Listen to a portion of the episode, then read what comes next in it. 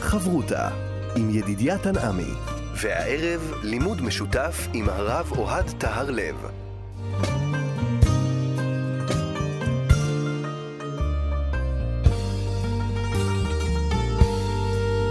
שלום לכם, חברותה כאן מורשת, לימוד משותף עם רבנים ואנשי חינוך, והערב אנחנו עם עולם האגדה, מארחים כאן את הרב אוהד טהרלב, ראש מדרשת אות לידנבאום וחבר בארגון רבני בית הלל. על הביצוע הטכני לאיסה ברטר כץ, כאן יד המיקרופון ידידיה תנעמי, שלום לך הרב אוהד טהרלב. ערב טוב ידידיה לך ולמאזינים. אנחנו עם עולם האגדה, ואנחנו אה, רוצים אה, לצאת אה, לדרך עם אגדה נוספת, אגדה שעוסקת בשני תלמידי חכמים, שיש הבדל ביניהם מאוד משמעותי. ומתוך כדי המקרים שנראה, שמופיעים בגמרא, נראה על האישיות של כל אחד ואחד, ומה אפשר ללמוד אולי גם על עולם ההלכה ועולם האגדה שאנחנו עסוקים בו. עסוקים בחברותא באגדה, ואנחנו הולכים לדון בנושא האגדה. אה, באמת מדובר על שני תלמידי חכמים. אם תרצה, זה מזכיר לנו את שני תלמידי חכמים שהיו בעירנו. סיפורו של שי עגנון, אבל זה לא כל כך uh, קיצוני וקשה. שני תלמידי חכמים לומדים אצל אותו רב, רבי יוחנן, רבי אבאו ורב חייא בר אבא, במאה השלישית לספירה. אה, אמוראים, דור שלישי בארץ ישראל. והסיפור שלנו נמצא במסכת סוטה בדף מ עמוד א', בתוך קובץ סיפורים על רבי אבאו, שמדברים על גדלותו, על ענוותנותו של רבי אבאו, תלמיד חכם גדול. אה, מי הוא אותו רבי אבאו? אה, ידען גדול לא רק בהגדה, גם בהלכה. היה ראש ישיבה בקיסריה. מטבע הדברים, קיסריה עיר רומית, היה מחובר לשלטון, מקשר בין הקהילה היהודית בארץ ישראל לבין השלטון. אדם שיודע שפות זרות. בקיצור... בעל מעמד. בעל מעמד, שלטוני, איש העולם הגדול. אה, רב חייא בר אבא, תלמיד חכם גדול גם, שיש איש הלכה, עומד על הפרטים הקטנים, אה, אמר והביא כמה דברי אגדה בשם רבו רבי יוחנן, אה, למשל על תלמיד חכם שלא יהיה רבב, רבב בבגדו. הפריעו לו תמיד הדברים הקטנים, אבל בעיקר הוא היה איש הלכה, ושני התלמידים האלה גדלו באותו בית מדרש. אה, הסיפור שלנו מדבר על איזשהו עימות או איזשהו מתח שהיה ביניהם באופן אה, אקראי ביותר. אה, הסיפור שלנו מתרחש כנראה סביב איזשהו יום לימוד שעושה הקהילה, לא ברור בדיוק איפה, אבל כנראה בארץ ישראל. יום לימוד, מזמינים בעיר את רב חייא לשיעור, את רבי אבאו, ושניהם אה, מגיעים באותו יום, איזה יום עיון כזה, כמו שמקובל במקומותינו, ואז קורה משהו, בלי, אני חושב, אה, שאחד יודע מהשני מה הוא הכין, איזשהו, איזשהו שיעור, מה הנושא, מה הוא לימד, לא המארגן, או שאולי כן ארגן, דאג שזה יעביר שיעור בזה, או זה יעביר שיעור בזה, או הוא בחר להעביר שיעור בהגדה ובהלכה, קורה מה שקורה, ובעקבות זה קורה דבר מאוד מעניין בין שני התלמידי חכמים האלו. לא נעים, וכנראה שמישהו גם נפגע שם, אז בואו נקרא את ההגדה ונלמד את הסיפור. קדימה. אז כפי שאמרנו, סוטה דף מ עמוד א'. רבי אבאו ורבי חייא בר אבא איקלעו להוא אתרא. הם הזדמנו לאותו מקום, אותה עיר, יום עיון, לומדים תורה. רבי אבאו דרש באגדתא, רבי חייא בר אבא דרש בשמעתא. זאת אומרת, רבי אבאו נתן דרשה, שיעור, בעולם ההגדה, ורבי חייא בר אבא דרש בעולם ההלכה, בעולם השמועה.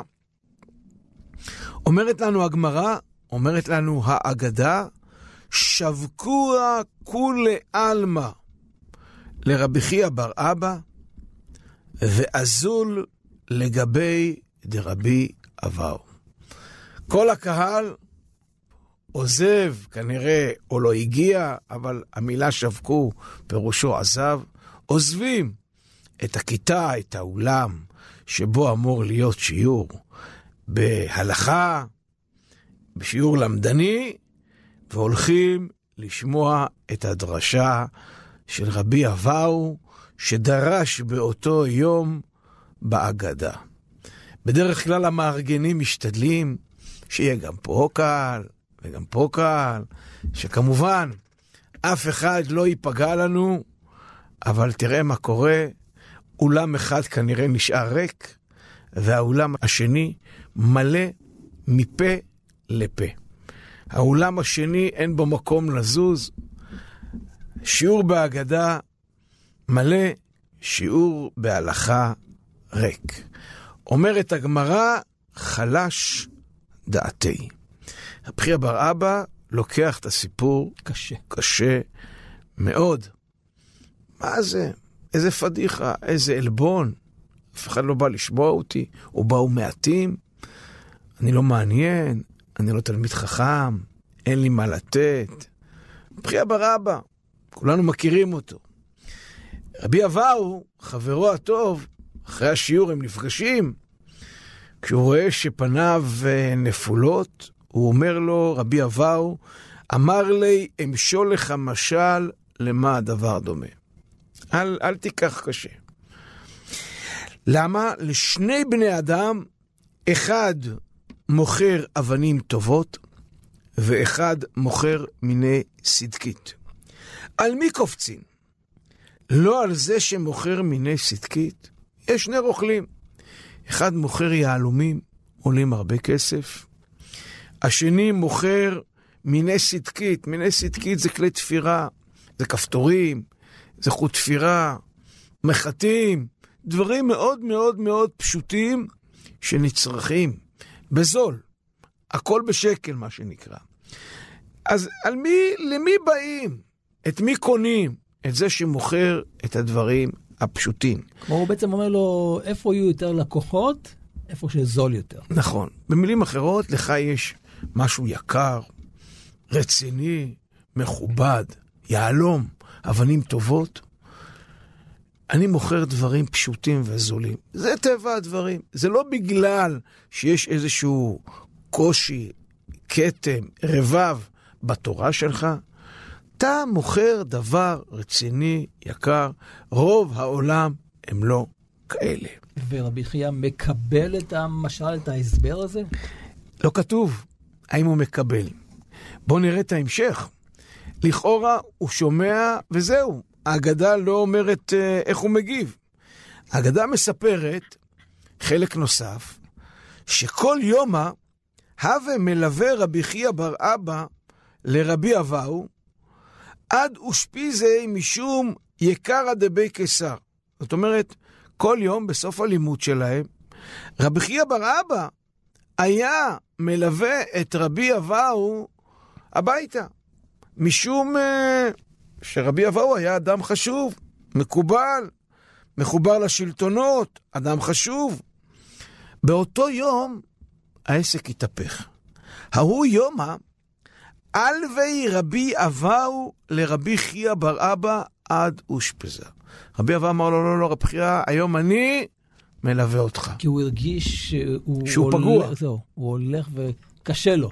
הוא הרגיש שהוא פגוע, שכבודו נפגע, רצה לחזק את כבודו. אה, רבי אבאו היה אדם שמאוד דאג אה, לכבוד של האחרים, רואים את זה גם בסיפורים קודמים, ובכל אופן הוא אמר לו, אני עכשיו מלווה אותך. לא אתה אותי, אני מלווה אותך. ואומרת לנו ההגדה, ואפילו הכי לא יתותב דעתי מיני. זאת אומרת, רבי אבאו, בזה שהוא אמר לו, אני בא ללוות אותך, לך מגיע את כל הכבוד.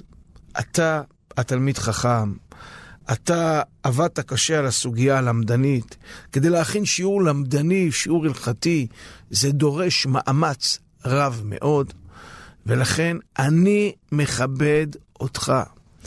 והאגדה אומרת שאפילו אז למרות מה שרבי אבאו אמר לו, כנראה, גם הדבר הראשון, אתה מוכר יהלומים, אבנים טובות, ואני מוכר מיני סדקית. וגם הדבר השני, שהוא בעצמו טרח וכיבד אותו, דעתו לא התיישבה. השאלה למה? אז זה הסיפור שלנו. לדעתי סיפור מרתק, סיפור שיש בו הרבה מאוד. אנחנו כהרגלנו בקודש אוהבים לשאול שאלות קודם, אז אה, בואו נראה מה השאלות שעולים לנו פה אה, מהאגדה. שאלה ראשונה, אחרי שראיתי את האגדה, מה המסר של האגדה? מה האגדה רוצה לומר לנו? האגדה רוצה לספר לנו אה, מי יותר חשוב? מה יותר חשוב? מה יותר חשוב? מי יותר חשוב? מה היא עוסקת? לכאורה היא בתוך קונטקסט של אגדות שעוסקים בגדלותו של רבי אבאו. אז הנה, תראה את רב, גדלותו, גדלותו של רבי אבאו, כי הוא מוכר מיני סדקית. גדלותו של רבי אבאו, שהוא מנסה לפייס את רבי חייא בר אבא. יכול להיות בגלל המעמד הגדול שלו, רואים את ה, שוב, את הענווה שלו, שזה בעצם המסר של הסיפורים שהיו גם לפני. יכול להיות. יכול להיות שזה המסר של ההגדה. אה, אה, אולי ההגדה רוצה לומר לנו אה, מה יותר חשוב, הלכה או שמא אגדה, מתוך הדיון הזה. כי עובדה שהאגדה היא נוספה לאגדות הקודמות, אז כנראה שיש פה עוד מסר נוסף באגדה הזאת. נכון. למה חלשה דעתו של רבי חייא? למה? מה פגע בו? בגלל חוסר ההצלחה שלו? בגלל הזילות בלימוד ההלכה? כאב לו שלאנשי בית המדרש אין כוח לעמול, לעבוד קשה, או שמא אולי, סליחה שאני מעלה בדעתי אופציה כזאת, יסלחו לי שומענו, האם חרה לו של רבי אבאו יש רייטינג רציני, פופולריות, כולם באים לשמוע אותו? האם הוא הרגיש קושי בעצמו? דבר נוסף, מה המשמעות בסיפור שלנו, של הליווי של רבי אבאו ושל רבי חייא? זה ליווה אותו, וזה ליווי הלווה אותו? מה, מה משמעות הליווי משום כבוד בית הקיסר? האם ניתן ללמוד מפה בית הקיסר, כבוד בית הקיסר כן, אבל משום משהו אחר הוא לא היה מלווה אותו? בגלל התורה שלו הוא לא היה מלווה אותו, אלא רק בגלל בית הקיסר? מה משמעות המשל הנפלא הזה שיש לנו פה? החומרים, אבנים טובות, מיני סדקית, ואני רוצה לשאול עוד שאלה. האם יש משמעות לדמויות המופיעות בסיפור שלנו? על השמות, רב חייא בר אבא, רבי אבאו, שאומנם זה חלק הדרשני של הלימוד שלנו, אבל אולי יש לזה משמעות מעניינת. וכמובן, שאלה אחרונה, מיהו הגיבור של הסיפור שלנו? רב חייא, רבי אבאו, על פנינו... רבי אבאו? רבי אבאו, אבל אולי רבי חייא. משהו, אתה יודע, לפעמים האגדה מנגידה לנו משהו. היא רוצה להראות לנו משהו על דרך השלילה. רבי חייא פה הוא האדם הגדול, או בעצם אה, רבי אבאו. אה, אני חושב שהסיפור שלנו הוא סיפור אה, מאוד קיומי, מאוד נוגע. אה, בנו, כאנשים לומדים, כאנשים ששואלים את עצמם איך נכלכל את זמננו, כאנשים שמתלבטים לאיזה שיעור ללכת לשמוע. איך אני קובע? מי שמעניין, על זה אני הולך. או מה מלמדים? לרוב אנחנו הולכים לשמוע את מי שמעניין, לא בהכרח את התוכן? את התוכן, האם נסתכל מה הנושא של השיעור, או דבר ראשון שיש את המודעות האלו, שאתה יודע, שבעיתון, על הימי עיון, מי הוא הנותן, ולפי זה אנחנו הולכים. זה מזכיר לי את הלימוד של ליל שבועות בעיר. ואז יש לך הרבה מודעות של בתי כנסת, ואתה מתלבט, יש לך לילה שלם, כן? קבעו לך שיש לך לילה שלם, אתה צריך ללמוד. עכשיו אתה מתלבט לאן ללכת, ואתה רואה את ההבדלים לפעמים שנמצא רב מסוים בבית כנסת אה, מסוימת, הוא מתחיל, ובכסת מלא מפוצץ, אחריו מגיע רב שני, וכולם נודדים עם הרב הראשון והולכים למקום אחר. נכון, יש לרבנים מעריצים, אבל uh, אני גם שואל את עצמנו את השאלה הפשוטה ביותר, כשיש לנו זמן לשבת ללמוד. איזה ספר מה, אנחנו מה מוצאים? מה מעדיפים? אנחנו נמצאים כרגע, מתפנה לך שעה. האם אתה מוציא גמרא, אה, לומד את הדף היומי, למרות... שב שמעת את ה... שזה קשה ודורש מאמץ, או איזה מאמר טוב, נחמד, חביב, שלא דורש מאמץ, השפה פשוטה, קולחת. מה אנחנו מעדיפים? איזה חלק? בלי הדמות שנמצאת uh, מאחוריה. ואני חושב שהסיפור שלנו באמת בא לגעת uh, בנושאים האלה. חברותה עם ידידיה תנעמי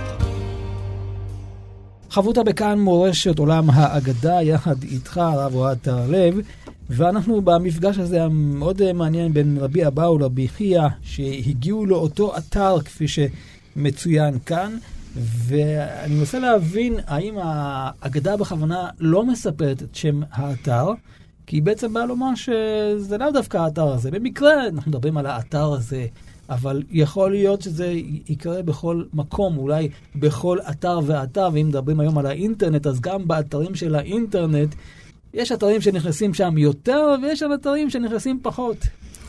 אה, כמו שאנחנו יודעים, כל סיפור, ברגע שיש בו דברים אנונימיים, שמות אנונימיים, מקומות אנונימיים, זה בדרך כלל מזמין אותנו אה, למצוא את עצמנו שם.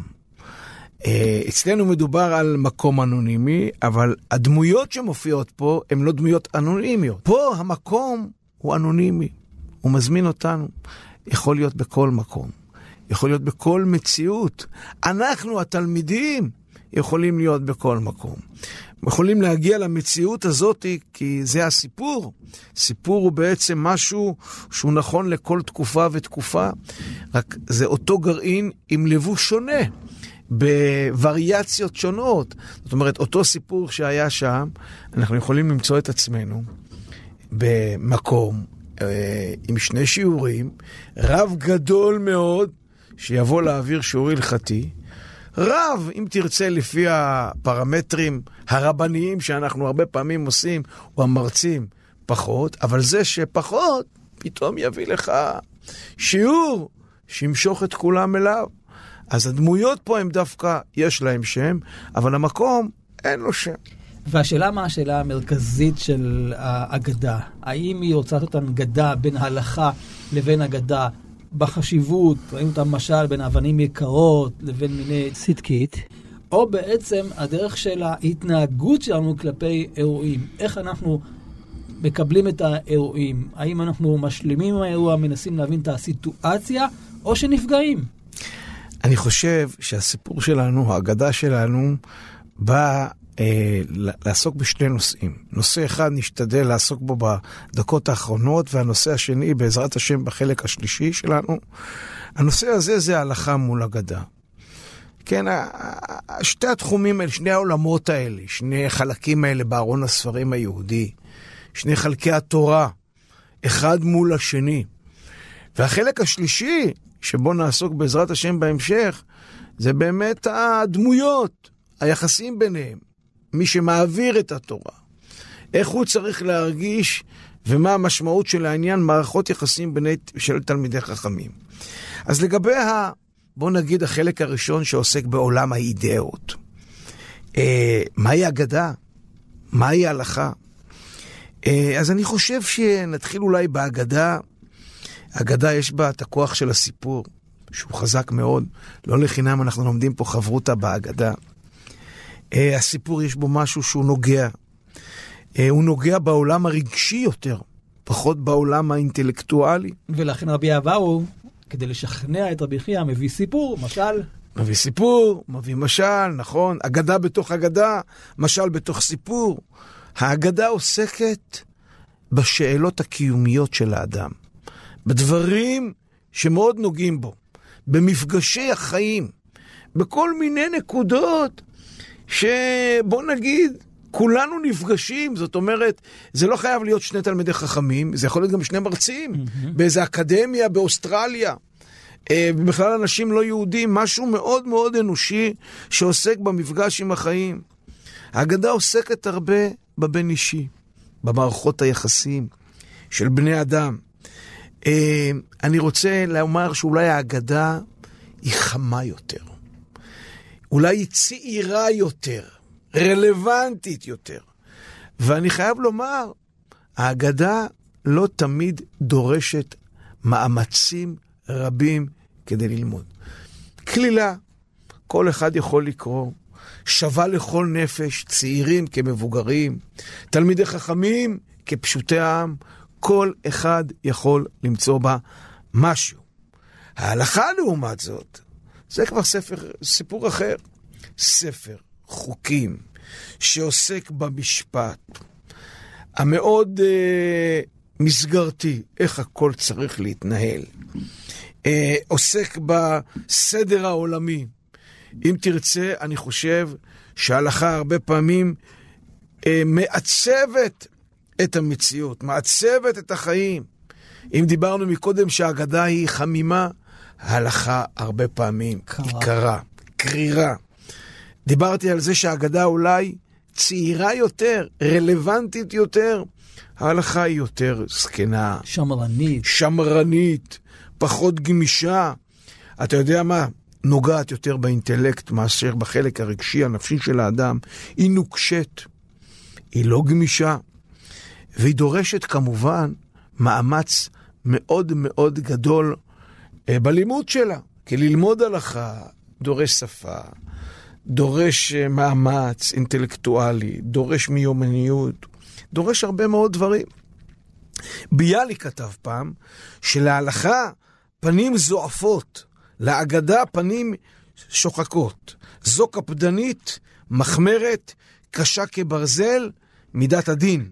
וזו ותרנית, מקילה, רכה כשמן, מידת הרחמים. אה, אני הייתי קצת קשה לי עם הניסוח הזה, שהלכה היא מידת הדין. זועפת. זועפת. והאגדה היא מידת הרחמים, אבל אין ספק שיש פה משהו, כמו שאמרנו, יותר אנושי בלימוד אגדה מאשר בלימוד ההלכה. אבל אני, אני אשאל אותך שאלה, למה יש כאן בעצם הנגדה של או ההלכה או האגדה? אני לוקח את הדוגמה של חכמי ספרד, כך למשל את הרב עובדיה יוסף, איש ההלכה. שיעורים שלו, הוא משלב גם הלכה, גם אגדה, סיפורים.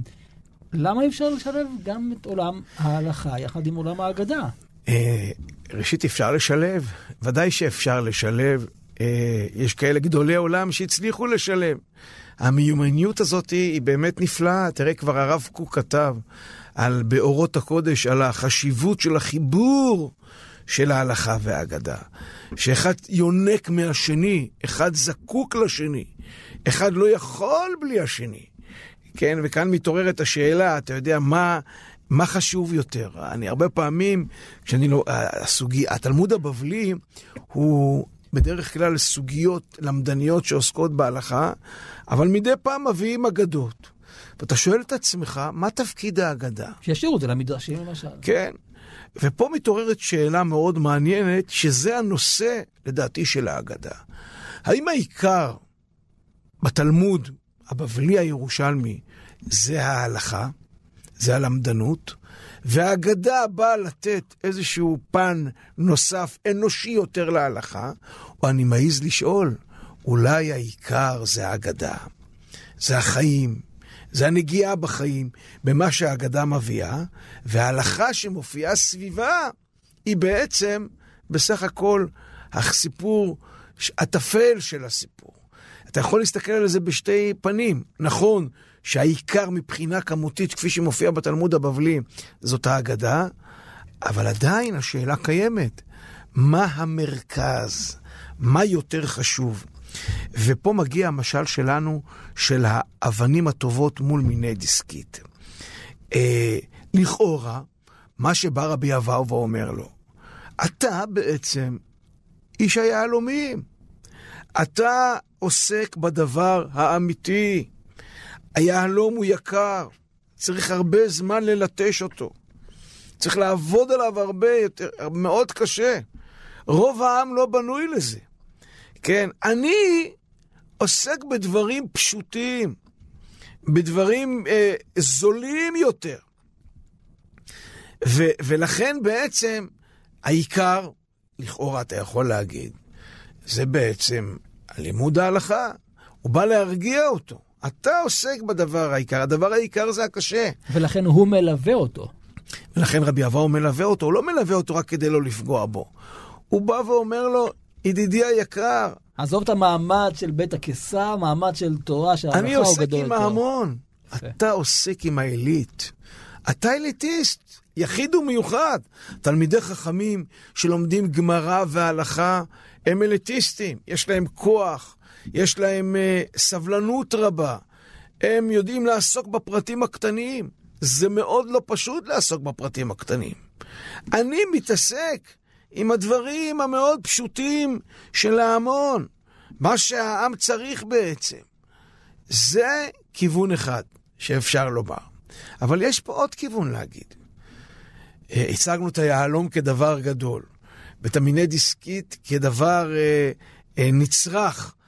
אבל יש פה עוד דבר שאני חושב שכדאי לשים לב עליו, אפשר להסתכל על זה גם הפוך. האם אפשר לומר שיהלום זה בעצם, הוא לא מצרך אלא מותרות?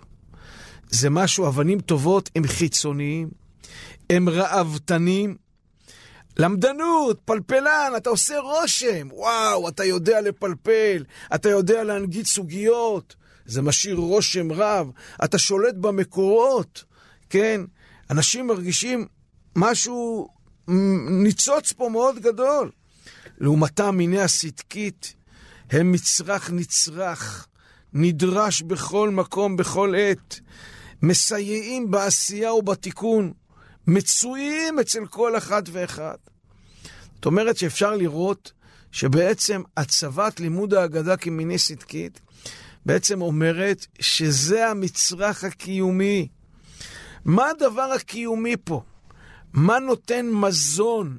מה נותן לאנשים את ה... אה, אה, אה, אה, סוגר להם את התיאבון? מה ממלא להם? מה ממלא אותם? לימוד הלכה או לימוד אגדה? ובזה שרוב העם נוהרים אחרי, אה, אחרי רבי אבאו, אפשר להסתכל על זה, כי בעצם זה מה שהם צריכים. זאת אומרת, המדד צריך להיות לא כרגע מה יותר חשוב, אלא בעצם אה, מה יותר אה, נצרך. ואני רוצה לשאול פה, קצת להעמיק את השאלה מכיוון נוסף. הרבה פעמים אני תמה, אה, איך ההלכה נוצרה? זאת אומרת, האם ההלכה היא זאת שמעצבת את המציאות? או שבעצם ההלכה, ההלכה מוליכה את המציאות, מוליכה את החיים. או שאני אומר, ההלכה הולכת, מהלכת יד ביד עם החיים.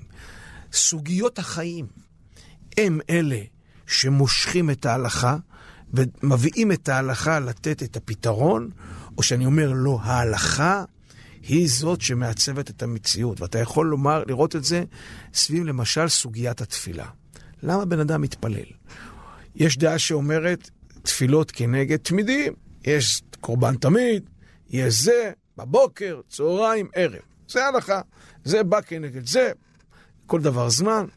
שאתה יכול לומר, בן אדם היה קם בבוקר, כמו שאומר הירושלמי, ורואה את השמש זורחת. יש לו צורך להתפלל. רואה את השמש שוקעת, יש לו צורך להתפלל. השמש נעלמת, לילה, תפילת ערבית, מתפלל. זאת אומרת שהחיים, המפגש עם החיים, מייצר בעצם את ההלכה.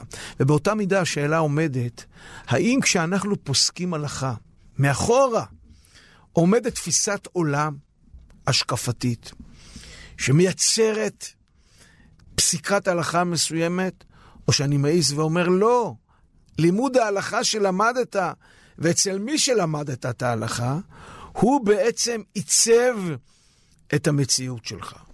תראה, אה, הרב סולובייצ'יק כתב ספר איש ההלכה. אה, אה, איש ההלכה הוא האד, האדם שבעצם ההלכה מעצבת לו את החיים, החיים שלו מתנהלים, הכל לפי זמנים, לפי קריטריונים, לפי ההלכה. אני לא יודע אם יש לזה תשובה אה, מדויקת, ברורה, כי בעצם זה, זה שתי קולות, אבל זה בדיוק אותה שאלה ששאלנו מקודם, מה המרכז בגמרא? אה, או כמו שאני יכול לשאול, מה המרכז בחיים שלנו? השאלות הקיומיות שהאגדה באה בא לתת מענה, לגעת בהן, או איזושהי מסורת, איזושהי הלכה שהיא אמורה אה, לעצב אותנו. מה שאני יכול לומר, שהרב קוק דיבר על החיבור בין האגדה לבין ההלכה, בין שפת ההלכה לשפת האגדה, אה, זה חיבור שהוא נצרך, אי אפשר להיות רק פה ורק פה. אדם שהוא כל כולו בהלכה, הוא מהר מאוד יכול להיהפך לטכנוקרט הלכתי. מאוד קר, מאוד לוחם, מאוד מאבד את הלב. רק המוח עובד. איש האגדה יכול לעבוד מאוד עם הלב, מאוד לאבד את הראש, את האינטלקט, את החלק הטכני, שהוא uh, קיים. ולכן בעצם יש צורך בשילוב הזה. יש כאלה שצריכים את זה יותר, ויש כאלה שצריכים את זה יותר. ואולי זה קשור למה שאנחנו אה, קוראים בתפילה שלנו, בסוף uh, פיתור בקטורת. כל השנה הלכות uh, בכל יום, מובטח לו שהוא בן העולם הבא, שנאמר, הליכות עולם לא אל תקרי הליכות, אלא הלכות. הנה, ההליכות עולם מול ההלכות, השילוב הזה של ההליכות עולם וההלכות. החיים וההלכה בעצם, שאחד אה, אה, מוביל את השני, נכון מאוד. חברותה עם ידידיה תנעמי. חברותה בכאן אה, מורשת עולם האגדה, המפגש הזה בין רבי אבאו לבין אה, רבי חייא, בין עולם האגדה לבין אה, עולם ההלכה. והרב אוהד, אני, אני שם לב שהמפגש הזה ביניהם, בין הלימוד של עולם האגדה לעולם ההלכה, לא היה בבית המדרש, הוא היה דווקא בחוץ. והשאלה היא, כשאנחנו מעמידים פה את הסיפור של הלכה מול אגדה, או התפקיד של הרב לבוא ולהיות אה, נגיש לציבור, האם זו השאלה בעצם הגדולה? כלומר, השאלה היא לא רק מה בין עולם ההלכה לעולם האגדה, אלא בין עולם ההלכה והאגדה כשהם מדברים אל הקהל, אל הציבור. אתה שואל האם ה... אנחנו עוסקים פה בהנגשת אה, ההלכה והאגדה לציבור הרחב. כן. אה, ושאלה מי מנגיש. ואיך מנגישים? ואיך מנגישים. זאת אומרת, יכול להיות שיהיה נושא של הלכה שהוא מאוד מאתגר, אבל יבוא מומחה גדול, נתת דוגמה את הרב עובדיה יוסף, או תלמידי חכמים אחרים, שיש להם מיומנות להנגיש בצורה בלתי רגילה ומעניינת את הנושא ההלכתי. זאת אומרת, השאלה היא פה היא שאלה שהיא לא מילה גסה, תקשורת. איך אני מנגיש, איך, איזה תקשורת אני מייצר בין המלמד לבין, אה, לבין הקהל. תראה, אפילו המשל שנתן אה, רבי אבאו בעניין של ההבדל בין אבנים טובות לבין מיני דיסקית, אבנים טובות בדרך כלל לא יוצאים איתם החוצה. זה נמצא בחנות מפוארת, זה נמצא בכספת, אה, בבית המדרש, יכול להיות שלא צריך לצאת עם עולם ההלכה החוצה לפי המשל הזה? כי את האבן הטובה שומרים בבית, כן. אבל הרבה פעמים אנשים אה, הולכים עם היהלום שלהם על האצבע, אה, כדי שכולם יראו, כדי שכולם ידעו. אם אתה לא מוציא את זה החוצה, מה הערך של זה? יפה. ופה מתעוררת השאלה המאוד גדולה. אה, אה, מערכות היחסים פה בין שני התלמידי חכמים נוגעים ב... קודם כל בשאלה למי יש רייטינג יותר גבוה. למי יש רייטינג? האם זו השאלה? למה זה מטריד את האנשים? מי אהוב יותר? האם יש לנו פה, עוסקים ביצר התחרות שלנו פה? אבל השאלה אם זה בין האנשים או בין התכנים, כי יכול להיות שאם אה, היינו מחליפים ביניהם, כן? אז היו באמת מגיעים לרבי אה, חייא יותר אה, מאזינים בלשון שלנו של התקשורת, כיוון שהוא דיבר על האגדה. אז לא, הבעיה היא לא הייתה אצלו, אלא בתוכן, במסר כפי שנוהגים לומר. אני, אני חושב שמה שקיים היום קיים גם פעם. תראה, בוא ניקח אה, נושא שאנחנו לא רוצים לגעת בו, וזה פוליטיקה. Mm-hmm. אה, האם אנחנו מצביעים לאנשים בגלל דעותיהם?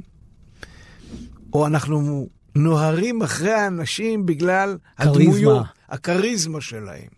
תראה מה קורה היום, בלי להגיד שמות. אני לא בטוח שאנחנו בהכרח אה, מצביעים למפלגה או לאדם בגלל הדעות שלו. כבר מזמן לא, כבר מזמן אין הבדל גדול בין הדעות. הדמויות הם פה הצד של הסיפור הזה.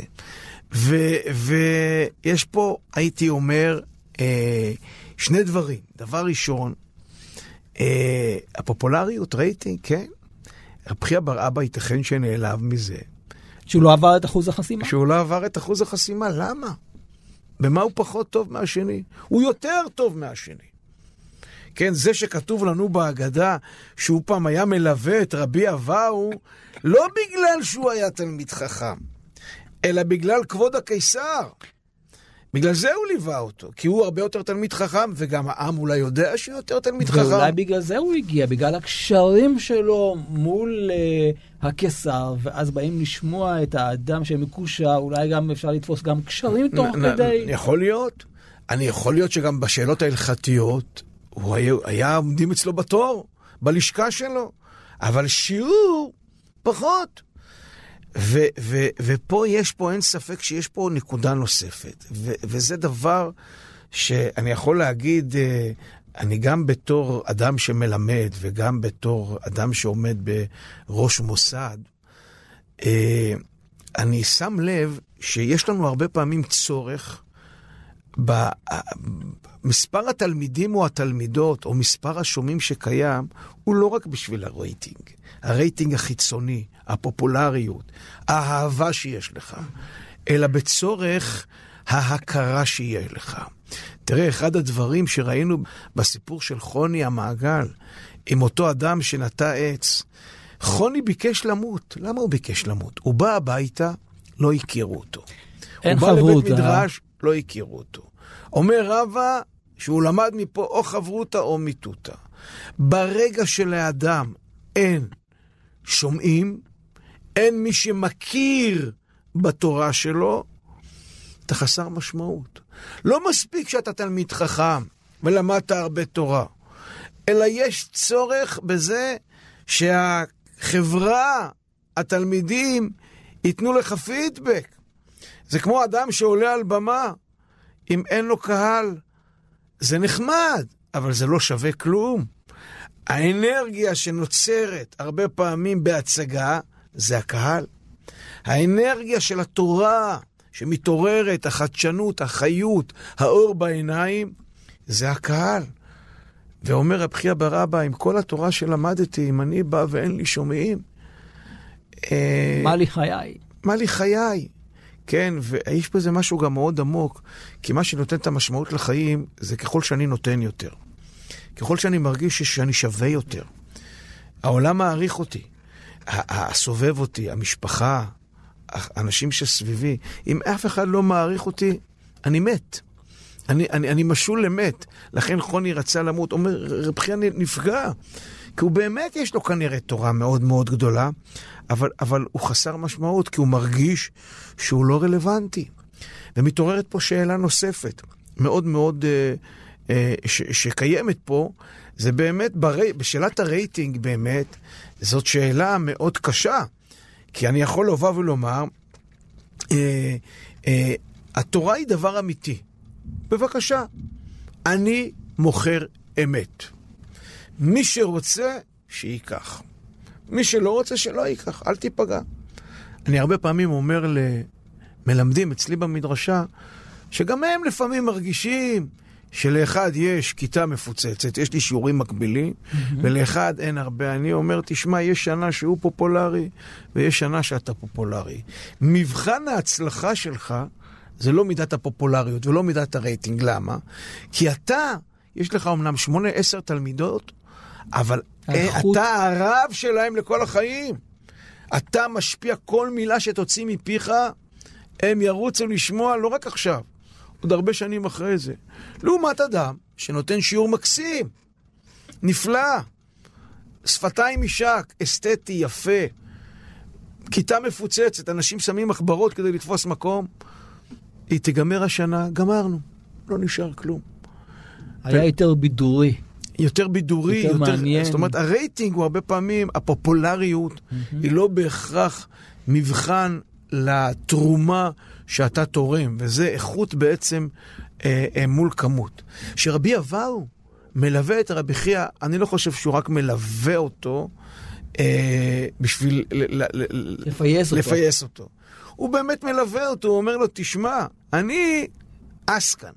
כן, אני מסתובב, בית הקיסר, אני פופולרי, אנשים קשורים עליי, אני, יש לי כריזמה, אני יודע לדבר, באים לשמוע. אבל אתה, אתה בעצם נותן את הדבר עצמו, ואם תרצה, תסתכל על השמות.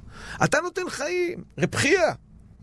אני מין אבא כזה שמחבק, שנחמד רבי אבאו, כן, שדואג לכל הצרכים של הקהילה, של החברה.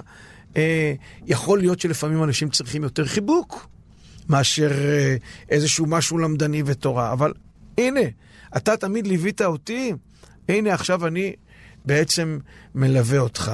זה אולי ההבדל בין עולם הדרשנות, הדרשנים, לבין גדולי הדור, שאומנם אין להם פופולריות מבחינת אה, קהל אה, של שומעים, אבל בסופו של דבר, אם חס ושלום יגיעו אה, להלוויה, יגיעו שם אלפים, מאות אפילו אלפים. זאת אומרת, הערך שלהם לא נמדד כרגע כמה אנשים באים לדרשה שלהם, אלא כמה ההשפעה שלהם. אה, דווקא הדוגמה של גדולי הדור עם הדרשנים זה מאוד מעניין, כי אני, אין לי ספק שעם גדול הדור, אה, גדול הדור, אה, נלך ללוויה שלו, יבואו המונים, למרות שרובם הגדול לא שמע אולי בכלל את השיעורים שלו. כי הדמות שלו, השם שלו, יצא למרחוק בגלל לימוד התורה שבו. אז אנשים מרגישים צורך להיפרד ממנו. אנשים קראו את דברי ההלכה, אבל לא באו לשמוע. דווקא הדרשן שנותן שיעור וסוגר עולמות, אה, הוא סוגר במובן הזה שאין מקום לזוז, לא תמיד הוא יהיה גדול הדור. ולכן יכול להיות שאנשים יבואו להלוויה כהכרה טובה. אבל לא בהכרח, עוד פעם, הכמות הערך. מול האיכות. ואני חושב שיש משהו בלימוד תורה שונה מכל דבר. לימוד תורה יש לה ערך אמיתי בפני עצמו.